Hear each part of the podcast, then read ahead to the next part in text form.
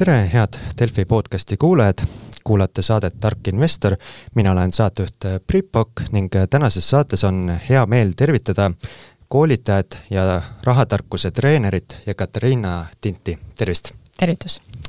Ja räägime sellest, kuidas alustada investeerimisega, fookuses siis eelkõige erinevad investeerimisfondid, ETF-id, kui head on kohalike pankade teenused ning millist peenekirja tasuks investeerimisotsuseid tehes lugeda. ja enne seda teeks ühe asja selgeks, kannate tiitlit rahatarkuse treener, mida see tähendab väga hea küsimus. ma arvan, et seda tiitli ma andsin endale ise ja miks, on see, et ma märkasin, et meil kõik rääkisid investeerimisest, aga tegelikult selleks, et investeerimiseni jõuda, on vaja hulk asju enda rahaasjades tegelikult nagu korda teha. Ja treeneri nimetuse all ma mõtlen seda, et pakkuda mitte ainult neid teadmisi, vaid pakkuda praktilisi tööriistu, mida inimesed saaksid nagu päriselt kasutada, et enda rahaasju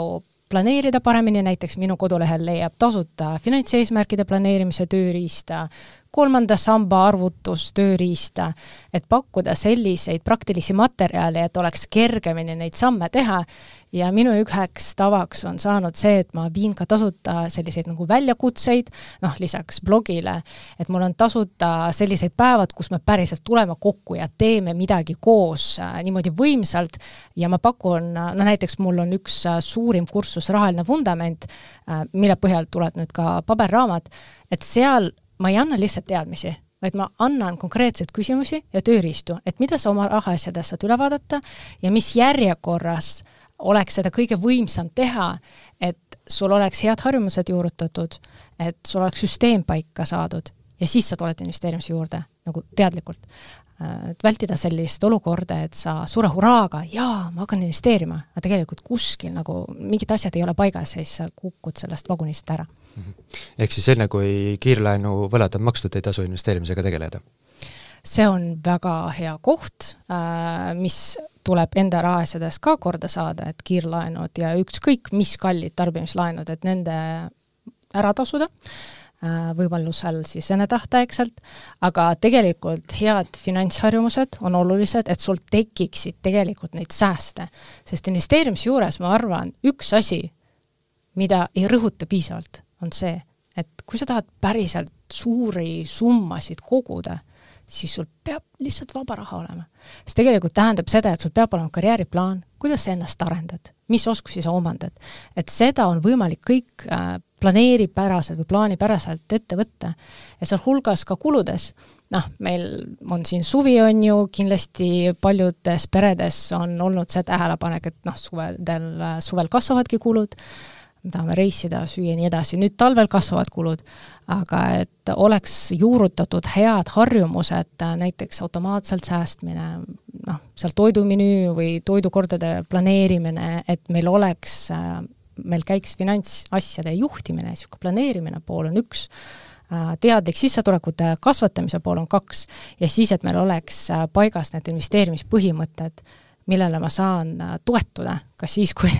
ajad on turbulentsed nagu praegu, et mul oleks nagu päriselt arusaadav, nii, miks ma seda ette võtsin. et, ähm, et mitte nagu suure hurraaga hüpata, vaid et läbimõeldud, samm-samm haaval, panna endale sellist rahaline vundament paika,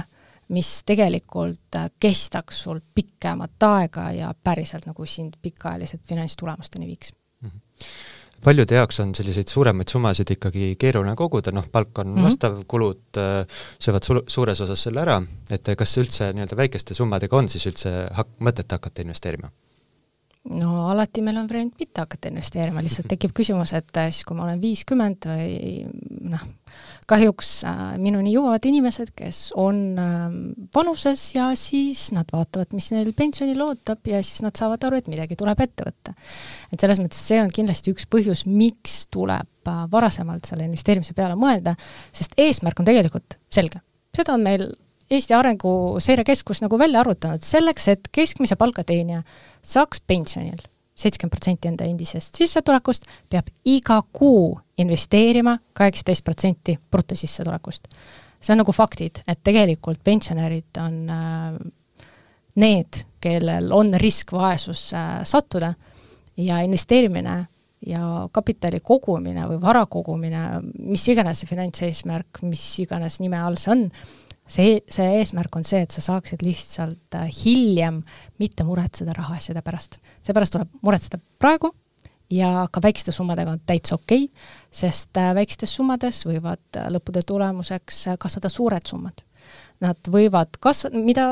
varasem sa alustad, seda suuremaks nad võivad kasvada. ja tegelikult, kui sa säästmist alustad, üks boonus on seal see, et tegelikult no võib ju juhtuda igasuguseid olukordi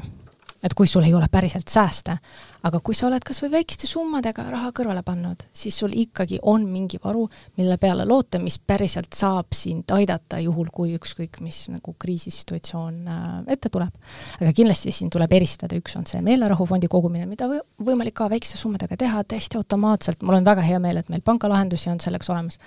Äh, ja teine asi on see investeerimine, mis on pikaajaline, kus me no näiteks praegu me ei satu paanikasse, et turud on allapoole läinud, et me teame, et me kogume viimased, vabandust, järgmised kümme aastat või viisteist, kakskümmend ja nii edasi aastat. et need kaks asja tuleb äh, lahku lüüa. aga igal juhul ka väikeste summadega tasub alustada, sest äh, noh, igalühel algus on kuskil, on ju, kuidagimoodi peab alustama kui rahatark siis Eesti rahvas on äh, praeguse seisuga, ütleme nii, skaalal null kuni sada ja kuidas see siin viimaste viie aastaga siis muutunud on? No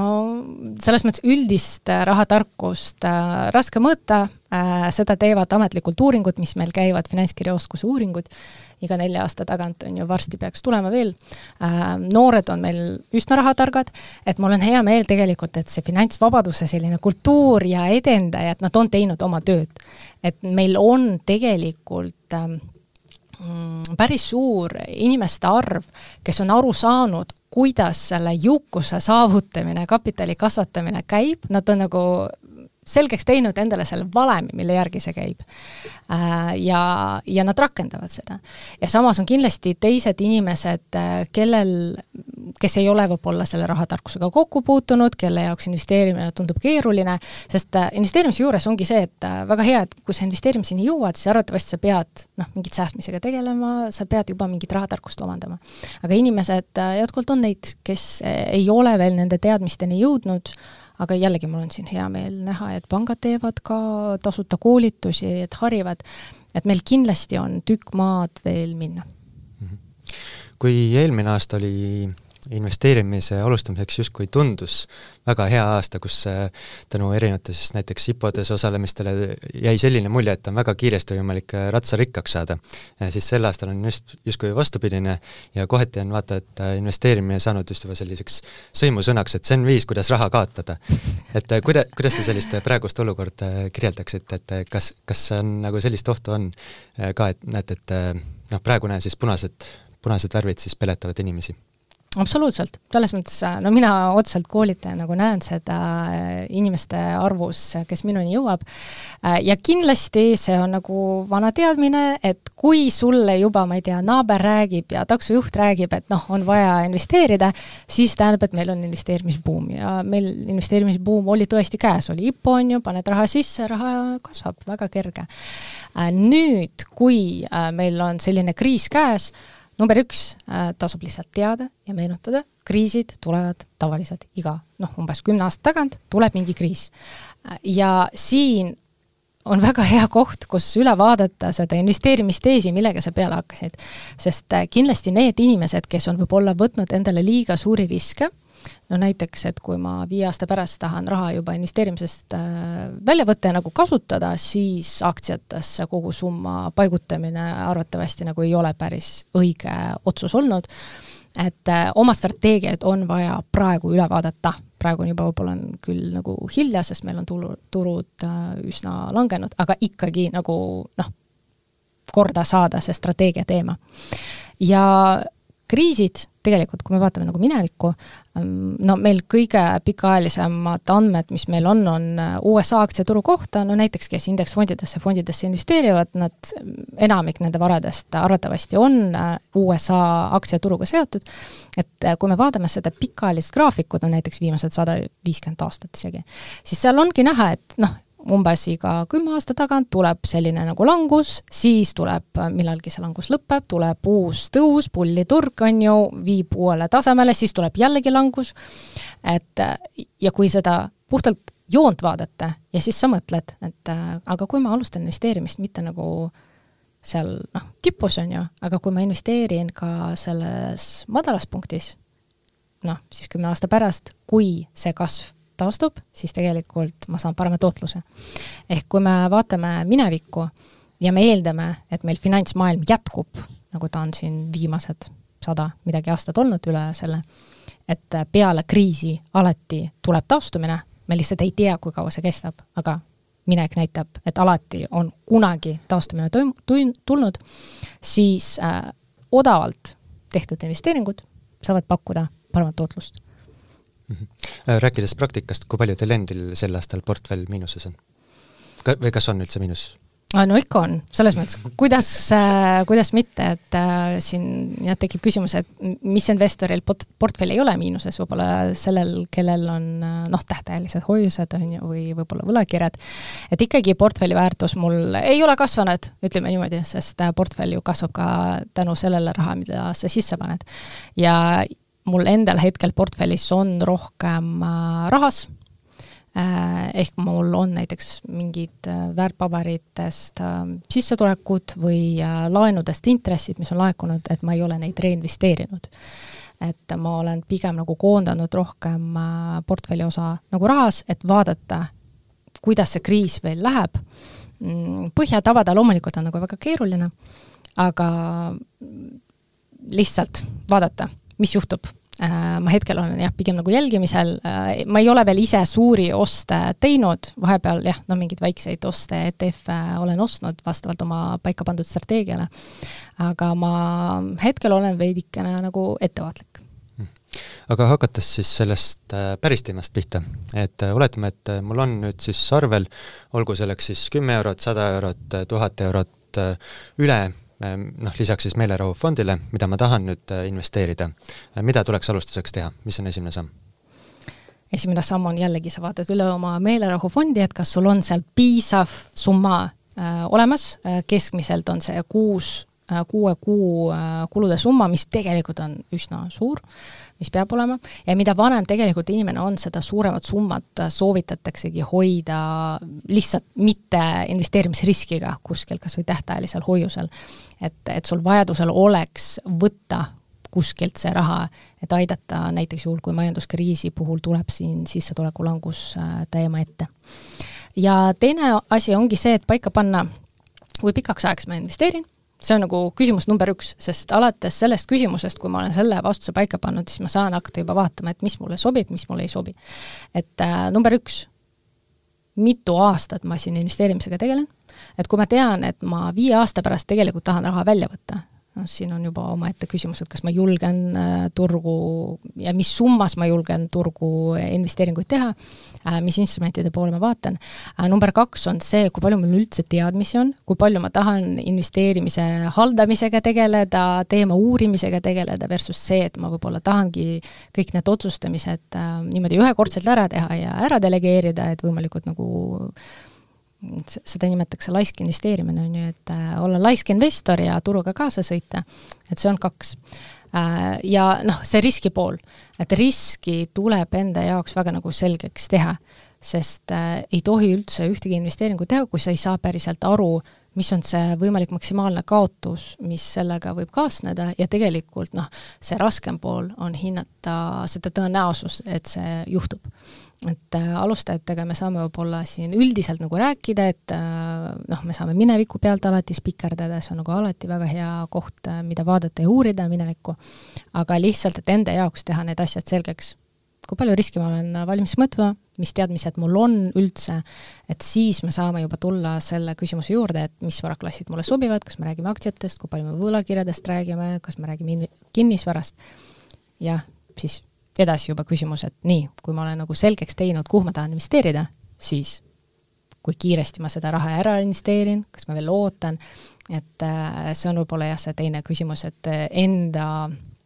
sellised väljavaated tuleviku kohta, et kas ma julgen äh, järgmise kuue kuu jooksul raha paigutada, aasta jooksul.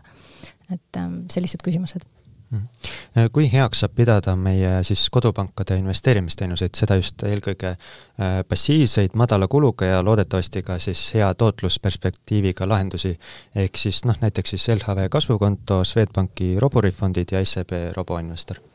mm. -hmm. Mul on hea meel näha, et tegelikult meil, no tänu konkurentsile puhtalt on need investeerimisteenuseid paremaks läinud ja nad on läinud odavamaks. Äh, LHV kasvukonto on meil äh, vist olnud kõige vanim selline automaatselt investeerimistoode, kus saab väikseid summasid paigutada. Swedbank tuli oma fondidega eelmisel aastal, seal saab ka fondidesse investeerimist täiesti automatiseerida. nüüd SEB roboinvestor tuli, siis meil on Grünfin, et selles mõttes neid lahendusi tegelikult on, valikut on, et see konkurents teeb selles mõttes nagu head tööd. ja ärme unusta, et meil on veel suurepärane lahendus, mille nimeks on kolmas sammas äh,. Miks ta suurepärane on, on lihtsalt see, et kui me saame tulumaksu tagasi,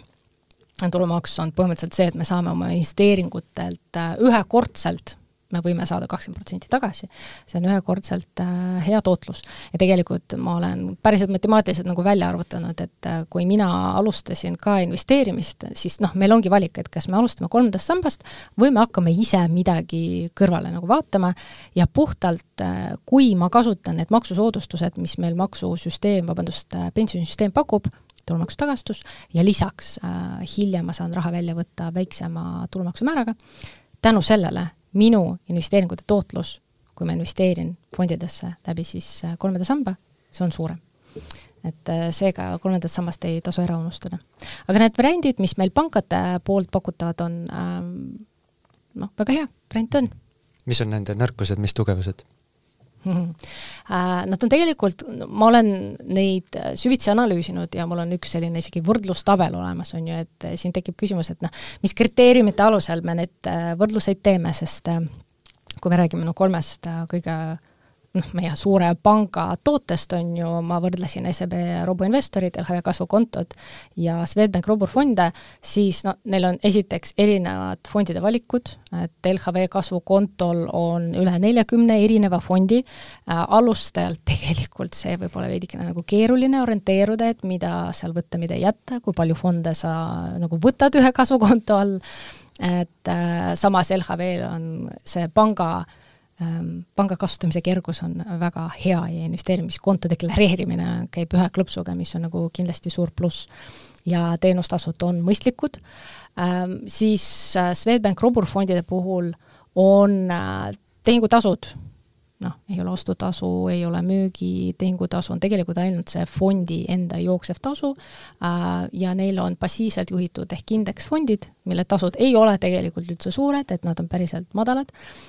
ja seal on võimalik samamoodi kõik ära automatiseerida ja seal valik on nagu väiksem. et see on juba nagu veidikene niisugune positiivsem, et valik on väiksem, kergem seda valikut teha äh, ja SEB-s, äh, SEB roboinvestor, ta tegi üldse asja selliselt, et sa ei pea ise valikut tegema, vaid nad annavad sulle küsimustikku ja selle täitmise tulemusena nad teevad sulle ettepaneku, millisesse portfelli või hajutatud portfelli sa saad investeerida. Et äh, see on ühelt poolt nagu kergem, on ju, et ma ei pea ise neid fonde valikuid tegema, aga teiselt poolt äh, seal peab ettevaatlik olema, et kui sul näiteks ei ole piisavas summas meelerahufond, siis noh, nad ei pruugi sulle sada protsenti aktsiaindeksfonde pakkuda inimesed on tihtilugu väga lojaalsed oma pangale, et millistel juhtudel tasuks vaadata enda kodupangast siis ka eemale? no investeeringute valimisel number üks äh, me tahame vaadata, millesse me tahame investeerida, ehk mis on see pank, mis pakub mulle sobivaid investeeringuid ja sobivat lahendust, äh, number kaks, me tahame vaadata ja me vaatame lihtsalt praktikas teenustasusid, et ei oleks liiga kõrge, et miks ma pean rohkem maksma, kui ma saan vähem maksta. mis on kõrge teenustasu, mis te lävendiks paneksite? Äh, no selles mõttes äh, meil on teada, et kui fondi investeerimise eest ma pean maksma näiteks üle ühe protsendi aastas, noh, see, see on nagu kõrge, on ju. et need aktiivselt juhitud fondid, neil juhtimistasud või need üldiselt jooksvad tasud on reeglina üle ühe protsendi ja seda peetakse kõrgeks, sest indeksfondide puhul me võime maksta äh, ja näha fondi jooksva tasuna näiteks null koma null seitse protsenti, see on, kui ma üldse ise fondi või ETF-i näiteks ostan.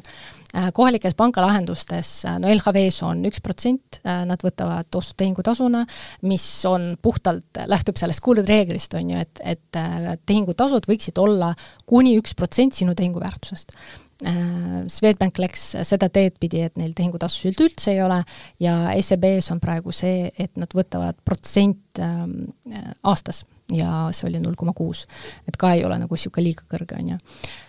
aga küsimus oli, et mis juhul siis kodupangast eemale vaadata? jaa, äh, ja number üks ongi see, et äh, mis lahendus mulle sobib, näiteks kui ma näen, et ma tahan väga investeerida, ma ei tea, kui mulle siin huvi pakub mingi kulla ETF, siis noh. Roburfondide seas ei ole veel kullafondi, SEB-s ka ei olnud, LHV kasukonto all ma juba saan seda vaadata ja ma saan võib-olla kullafondi ise osta. Äh,. number kaks on teenustasud. Äh,, me hetkel mainisime kõik automaatseid lahendusi, meil on tegelikult äh, kolm suurt valikut, kas kolmas sammas, mingid automaatsed lahendused, mida me oleme maininud, kolmas variant on see, et ma ostan ise.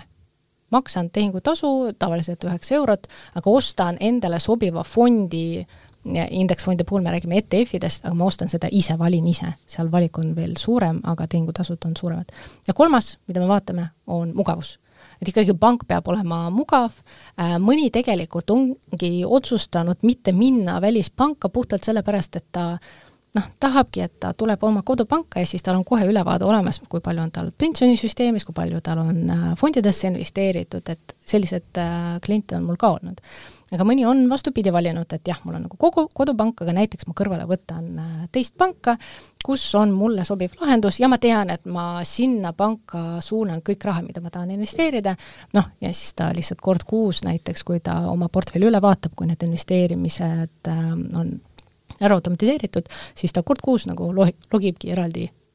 tema panka, kus on nõndanimetatud nagu investeerimiseks pank valitud Äh, natuke on ka järjepanu tulnud äh, igasugu muid äh, teenusepakkujaid siia turule juurde, kas või meil juba endal siin kodumaal, et no on Grünfin, Lightyear ja peagi on tulemas ka välja selline siis pakkuja ka nagu Fundvest. mida siis selliste alternatiivsete pakkujate juures siis silmas pidada mm? -hmm. ja siin on vaja vaadata, mis see pakkuja pakub. Äh, Grünfini puhul me saame rääkida tegelikult, see on automaatne investeerimislahendus, mis võimaldab sul ära automatiseerida investeerimist indeksfondidesse, aga just jätkusuutlikesse fondidesse. et neil on seal konkreetselt kolm teemat, äh, millest lähtuvalt sa võid portfelli kokku panna, kas on kliimamuutus, äh, soovõrdsus, kolmas oli tervishoiu innovatsioon, kolm teemat ja sa siis saad nad teevad sulle valiku kõik nagu, panevad paika, lähtuvad küsimustikust ja sa võid püsikorraldusega sisuliselt kogu investeerimist ära automatiseerida ja jätkusuutlik ähm,. Kui me räägime Lightyearist, siis Lightyear on maakler need maaklereid on tegelikult veel, on ju. maakler on lihtsalt see vahendaja, kelle kaudu ma võin ükskõik millise väärtpaberi osta, on, on see aktsia, on see ETF, on see fond, et siin tuleb valikut teha, et kas ma tahan kasutada mingit automaatset investeerimislahendust, et näiteks fondidesse investeerimist päriselt püsikorraldusega ära automatiseerida, äh, või ma tahan teha neid ostud käsitsi, mis eeldab seda, et äh, ma tegelikult pean seda lõplikku fondi ka hoolega valima, sest seal nagu valik tekib juba palju suurem. meil Euroopas on äh, üle kahe tuhande erineva börsil kaubeldava fondi, mille seas valida, et ega see ei pruugi kerge olla, eriti alustel. Ja mida nende fondide valikul siis silmas pidada, millele tähelepanu pöörata? no number üks, äh, kui me räägime fondidest, siis fond on nagu noh, kui me räägime kommidest, on ju, siis fond on see kommipaber, mind huvitab, mis seal paberis sees on, on ju. et äh, millesse ta investeerib, mis varaklassi, kas on äh, aktsiad, kas need on võlakirjad, kas on kuld, meil on nüüd isegi krüptofondid, et selles mõttes seal saab väga erinevaid variante kokku panna, et me tahame kindlasti sisse vaadata, sest see määrab seda, kui palju riski ma võtan. ja number kaks äh,, ma tahan tegelikult veel rohkem sisse vaadata, et isegi kui ma näiteks tean, et see on aktsiafond, noh, aktsiad maailmas meil on seitsekümmend tuhat pluss, on ju, et äh, seal, miks fonde on palju, on see, et kui meil aktsiaturg on üks suur pirukas, siis nad tükeldavad seda pirukat nagu erinevat moodi, suur lõik, väike lõik, nagu ainult USA, ainult Euroopa, ainult üks sektor, ainult teine sektor, no ükskõik, seda pirukat on võimalik tõesti nagu väga mitmed moodi tükeldada, et äh, seda tuleb endale selgeks teha, et kuidas see nagu suur pirukas äh,, mis täpselt äh, sektorisse või regiooni, millesse ikkagi see fond investeerib. et see on äh,, ma arvan, nagu kõige peamine ja kõige suurem küsimus, sest see ongi see strateegiline suur valik äh,, millesse sektorisse või regiooni ma investeerin, mis tegelikult annab või määrab sulle kaheksakümmend protsenti potentsiaalselt sinu tuleviku tootlusest sellega on ka nii, et justkui tahaksid äh, fondide kaudu oma siis äh, portfelli hajutada, siis võib juhtuda see, et noh, näiteks valid maailma aktsiate ETF-i ja USA aktsiate ETF-i, siis kui vaatad sinna nii-öelda kotti sisse, siis avastad selle, et ikkagi lõppkokkuvõttes ostad sisuliselt samu ettevõtteid, Apple, Amazon, Microsoft ja nii edasi, et kuna noh, need on tegemist ikkagi maailma suurimate ettevõtetega ja, ja see ongi üks asi, mida tuleb endale, no see on konkreetselt indeksfondid, millest me räägime, et indeksfondide reegel, äh, mida tihti kasutatakse, ongi see, et investeeritakse või need investeeringuid kaalutletakse lähtuvalt turukapitalisatsioonist ja turukapitalisatsioon sisuliselt tähendab seda, mida suurem on ettevõte, seda suuremat summat sinna fond investeerib. ehk kui me vaatame tõesti indeksfondidesse kus ongi näiteks maailma ettevõtted, siis tavaliselt maailma ettevõte tähendab seda, et seal ongi kuuskümmend protsenti neid USA aktsiaid ja see ongi, miks on vaja fondi sisse vaadata. ja kui me vaatame ja valime veel võib-olla kaks fonde, siis seal järgmine küsimus ongi see, et ma pean nagu teadlikult seda valikut tegema, sest on võimalik, et nad lihtsalt kattuvad et kas ma olen teadlikult näiteks valinud äh, teise fondi, mis ka investeerib USA-sse, ehk nagu topeltpanuse teinud selle regioonile või mitte. Ja fondide puhul on ka siis selliseid veel eri, hästi palju erinevaid tingimusi, et a la kas, kas investeeritakse mingi relvatootjatesse ja kas on mingisuguseid üldse sellistesse sketši äridesse ja selliseid asju ja pluss ka veel see, et kas sa fondist saad nii-öelda dividendi kätte ja neid on veel selliseid tingimusi, mis on veel selliseid asju, mida ta tasuks silmas pidada mm? -hmm. Selles mõttes need üksikud tingimused, millest me praegu juba mainisime, näiteks kas ta maksab mulle dividendid välja või ei maksa, need on olulised just siis, kui sa hakkad ise käsitsi seda fondi valima. sest nende automaatlahenduste puhul, nagu me rääkisime, SEB, Swedbank, Roburfondid, nad ei maksa dividendid välja, LHV kasvukonto alt, isegi kui nad maksavad dividendid välja, noh, kasvukonto automaatselt reinvesteerib neid dividende Ähm, et seal nagu ei ole neid üksikuid valikuid äh, nii keeruline teha, sest äh, noh, ongi, automaatne lahendus äh, on teinud sinu investeerimise elu kergemaks. aga kui me räägime fondi valimisest, siis mida vaadatakse veel, on kindlasti see, kas ta maksab dividendi või ei maksa, sest see võib päriselt tähendada potentsiaalset tulumaksukohustuse ja maksunüanss on fondidesse investeerimisel, eriti kui me räägime makleri alt ise fondi ostmisel maksunüanss võib äh, olla väga oluline, sest seal noh, on erinevus, kas tekib tulumaksukohustus või ei teki. Äh, number kaks on, mida jälgitakse, on näiteks, nimetatakse seda tracking error, ehk sisuliselt kui palju üks fond ja tema tootlus erineb indeksi tootlusest. sest kui me vaatame kõiki fonde, mida meil Euroopas on üle kahe tuhande neid börsil kaubeldavaid fonde, seal tegelikult on samamoodi, on mitmeid fondipakkujaid. ehk ma saan valida üle kahekümne fondipakkuja oli. ja nad võivad ju äh, teha fondi, mis jälgib näiteks sama indeksit. sama SMP viissada, mis meil maailma äh, tuntud, tuntuim indeks on, äh, viissada suurimat USA ettevõtet, et seda indeksit järgivaid fonde on meil üle kümne. ja siis tekibki see küsimus, et mida ma valin number üks, äh, ma valin äh, seda fondi, noh, kas mulle on oluline dividend tule, maksaks, makstakse mulle välja või mitte, äh, number kaks, ma valin ja vaatan tegelikult selle fondi tootluse, sest ühel fondil võib tootlus mõnevõrra olla väiksem kui teisel fondil, sest noh, seal tekivad tracking error on ju, et äh, rebalansseerimisel äh, teemad, mingid tehnilised teemad, mis võivad seda tootlust mõjutada. et need on tegelikult kaks suurimat asja, mida fondi puhul noh, näiteks mina jälgin, mis päriselt on olulised mhm. nii et äh, selles mõttes, et kohe alustades tasuks juba mõelda ka siis äh,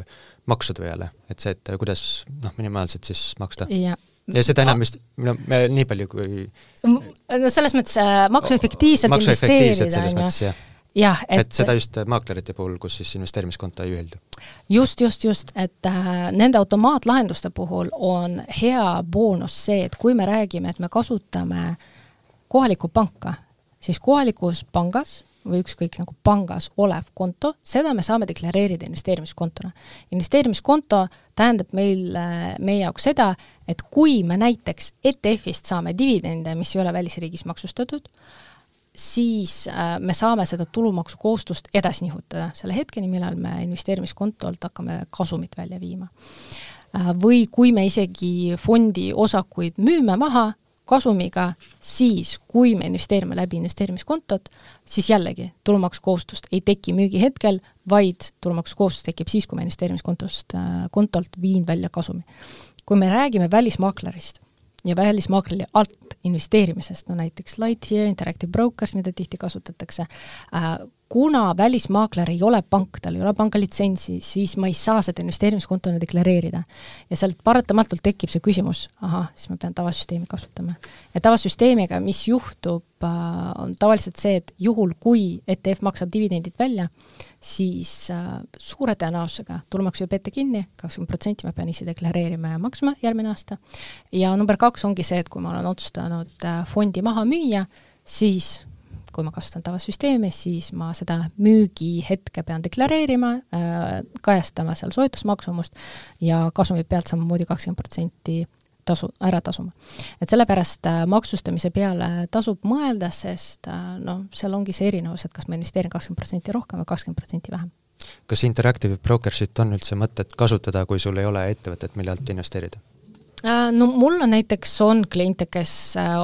kasutavad Interactive Brokersit eraisikuna ja see strateegia on siis see, et nad ostavad äh, ja hoiavad laiapõhjalisi indeksfonde, mida nad ei müü. et põhimõtteliselt nad dividende ei saa, neil ei teki dividendi pealt tulumaksukohustust ja nad müüke ka ei tee, et selles mõttes nad ainult koguvad enda vara ja nad müüke hakkavad tegema alles siis noh, pensionieas.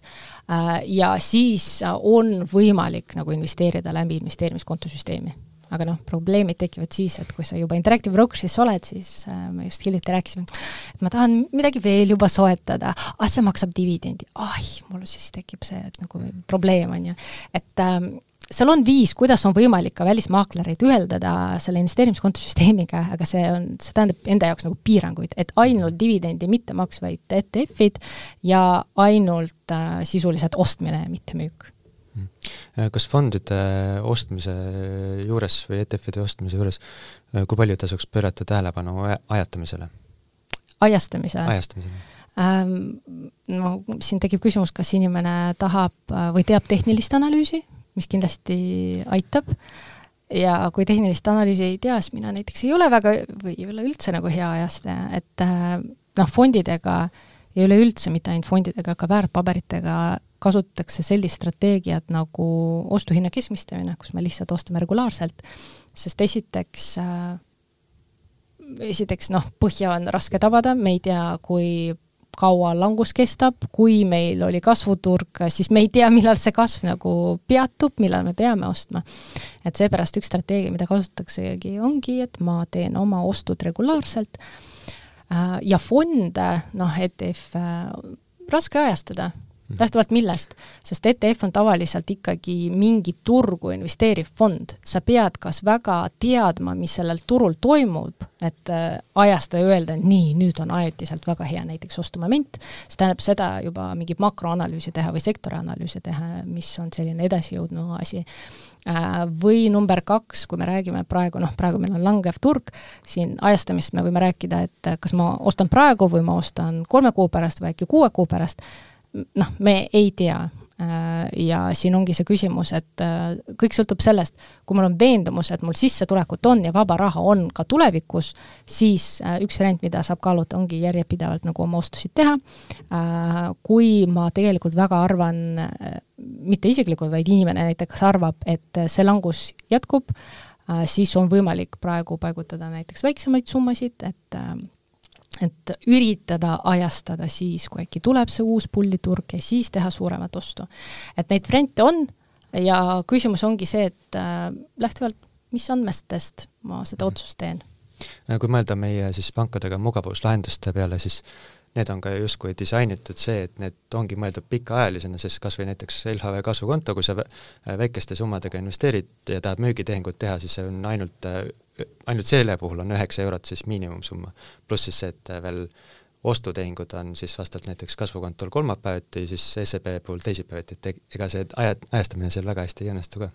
Äh, automaatlahenduste puhul jah, nad ei ole nagu selleks mõeldud, nad ongi mõeldud selleks, et sa püsikorraldusega automatiseerid ja põhimõtteliselt keskendud selle sissetulekute kasvatamisele, et sul oleks see raha, mida investeerida. et see on see tavaline lahendus. et seal tõesti, kolmapäev, teatud kindel päev, millal nad investeeringud teevad, ja tehingutasud müügi pealt, äh, jällegi tuleb vaadata, on erinevad sõltuvalt lahendustest Äh, kui palju peaks erinema siis nii-öelda investre-, investeerimisstrateegia selle puhul, et sa saad näiteks ühekordse tulu, ütleme näiteks päranduse, äh, mida tahad siis investeerida, versus see, et sul iga kuu tahad natukene raha kõrvale panna? Et ja kasvama, et kui palju, kuidas need strateegiad, investeerimisstrateegiad peaksid erinema se-, nende näidete puhul? Äh, no nad erinevad puhtalt tulenevalt sellest, et äh, kui meil on suurem summa, siis mul tekib võib-olla suuremaid valikuid, et ma võin kaaluda kas või kinnisvara ostu, näiteks selliseid investeeringuid, mida ma väiksete summadega tegelikult teha ei saa. et see on see number üks, äh, ma arvan, erinevus,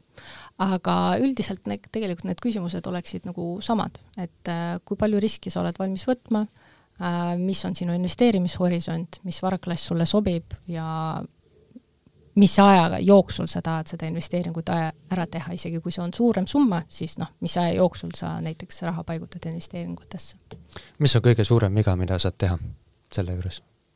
mitte alustada mitte alustada ei no üks äh, viga,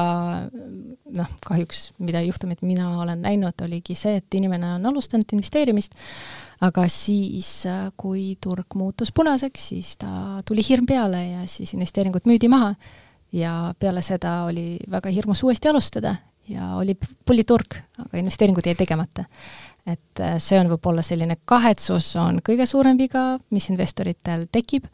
siis loomulikult on mingeid tehnilisi vigu, on ju, et noh, valingi kasvukonto alla kuus fondi, hiljem avastan, et oih, oleks pidanud seda valima, oi, tahan maha müüa üheksa eurot, et see on sellised nagu väiksed asjad ähm,. suurematest vigadest äh, võib tekkida siis, kui sa paigutad näiteks suure summa, ei hajuta, paigutad suure summa ära kuskile milles sa päriselt veendunud ei ole või mida sa ei ole piisavalt ära analüüsinud või äh, investeering, mida sa teed puhtalt selle tõttu, et aa, ma tean, et see inimene investeeris ka, nagu mis ei ole läbi mõeldud. et see, et sa paigutad raha kuskile, millest sa lõpuni aru ei saa, see on automaatselt nagu riskikoht, sest see tähendab seda, et sa ei tea, mis riskid seal on, kas sa saad raha kaotada ja sul on väga raske teha seda otsust, et noh, millal ma raha siis välja võtan et äh, seepärast räägitakse, et investeerida tuleb ainult sellesse, millest sa päriselt aru saad minnes natukene spetsiifilisema küsimuse juurde, et esinesite ka suvel investeerimisfestivalil ja teemaks oli, et kuidas mõjuinvesteeringutega turge edastada. Äh, mis sul seal endal kõrvu jäi, oli mõte, et äh, roheliselt investeerides näiteks fondidesse, mille nimes on ESG, mida tänasel päeval väga palju juba leidub, pole tegelikult praktikas erilist mõju, ehk tasuks eristada, mis on mis, mis on ESG, mis on jätkusuutlik investeerimine ja mis on mõju investeerimine, mis need mm -hmm. on? Jaa, äh, see on kusjuures väga hea küsimus ja erisus, mida tihti ei tehta, aga seal ongi täitsa erinev skaala investeerimisel, kui me räägime nagu mõjuga arvestamisel. Äh, ja kui me räägime traditsiooniline investeerimine, see tähendab seda, et me vaatame numbreid. me tahame, et meil oleks tootlus, raha tuleks tagasi, jah, plussidega.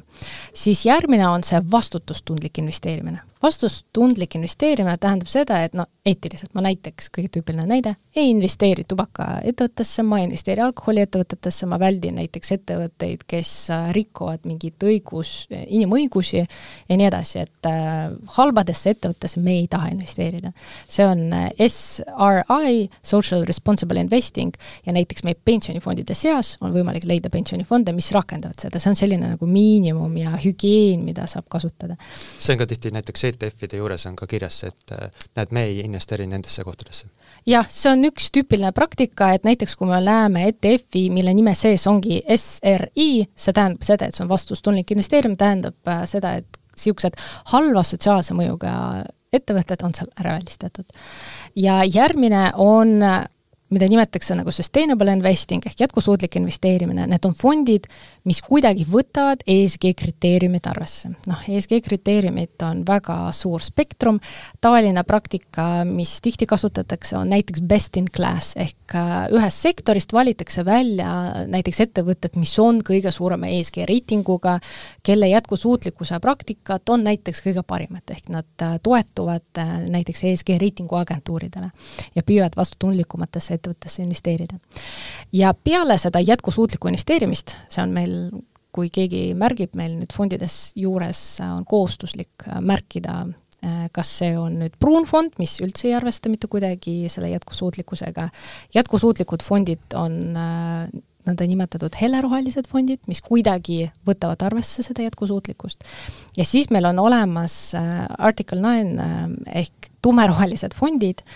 mis, äh, mille puhul on eesmärk jätkusuutlikkuse probleeme kuidagi aidata lahendada. et tavaliselt äh, fond, vabandust, ettevõtted, mis äh, on seal nende nõndanimetatud tumeroheliste fondide sees,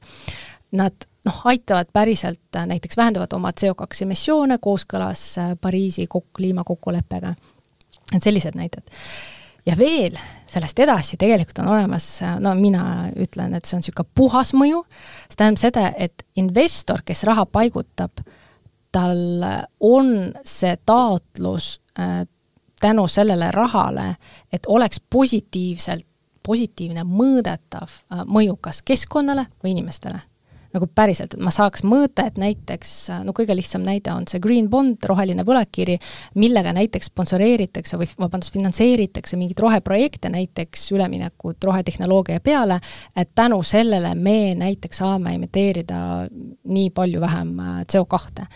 või tänu sellele me saame päästa X nii palju inimeste elusid, kui me räägime, ma ei tea, mingi tervishoiuprojektist. et see on selline nagu mõjuinvesteeringud. ja peale seda mõjuinvesteerimist tegelikult läheb puhas filantroopia, on ju, et võimalik ka raha ära anda, aga eesmärgiga puhtalt omada positiivset mõju kas keskkonnale või, või inimestele. -hmm. kuidas leida siis neid äh, lahendusi üles, kus sa tahadki, et lisaks siis väärtuse kasvule, et oleks ka see, et sa saaksid nii-öelda maailma paremaks muuta, sõltuvalt see, et mis sul väärtused on väga hea küsimus. et äh, mina otsin ka sellele küsimuse vastuseid, ma olen siin erinevaid uuringuid äh, lugenud, et äh, hetkel ESG maailmas toimub väga suur poleemika, sest see valdkond ise on noor, see soov, mida ja see probleem, mida see valdkond tahab ära lahendada, see on kindlasti olemas ja seda tuleb ära teha. aga kuna valdkond on ise noor ja regulatsioonid alles nagu jõuavad äh, hetkel on tõesti väga tulised debatid selle pealt, et kas ESG on surnud, ei ole surnud, kas ESG fondi investeerimine teeb maailma paremaks või versus ei tee,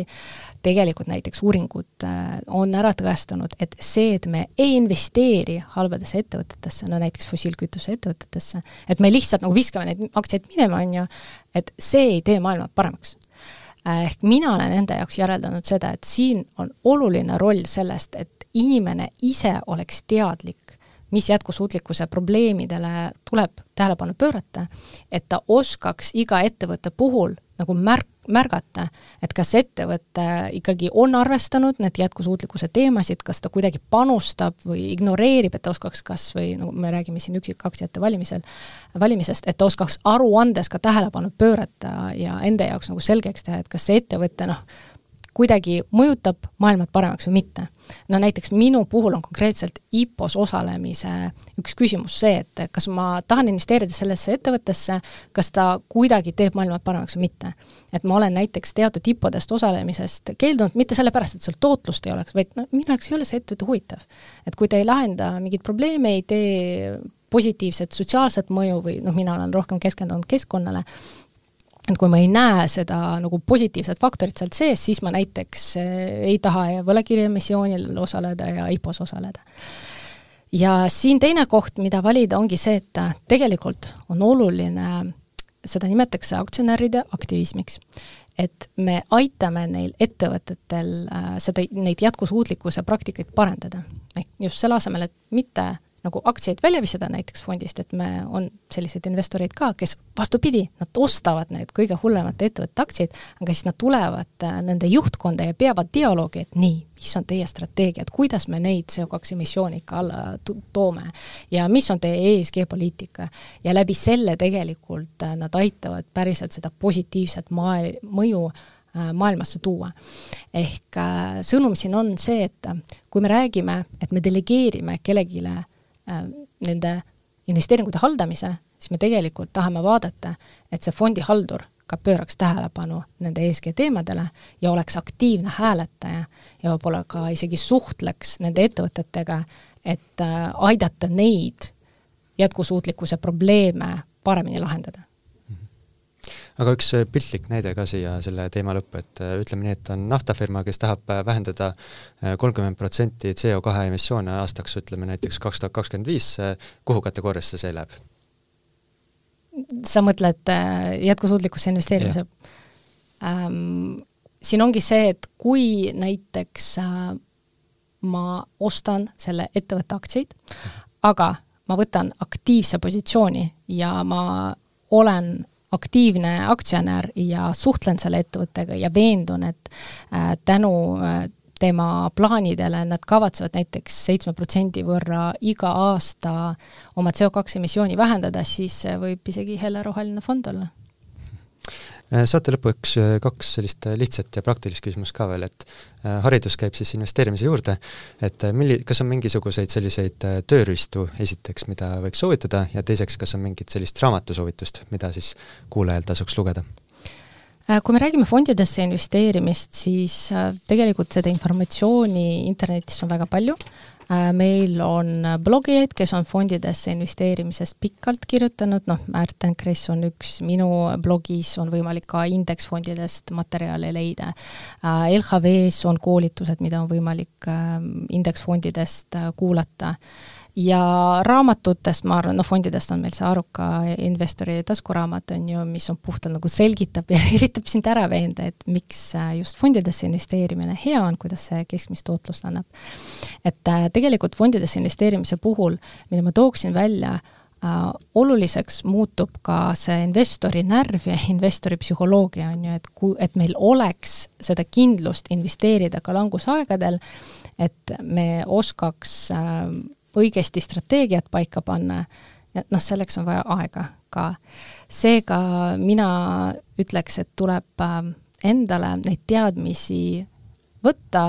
noh, ükskõik, mis allikad need on, meil on ka raamatukogus nüüd äh, mitmed äh, raamatud, mida saab võtta, LHV raamatukogu on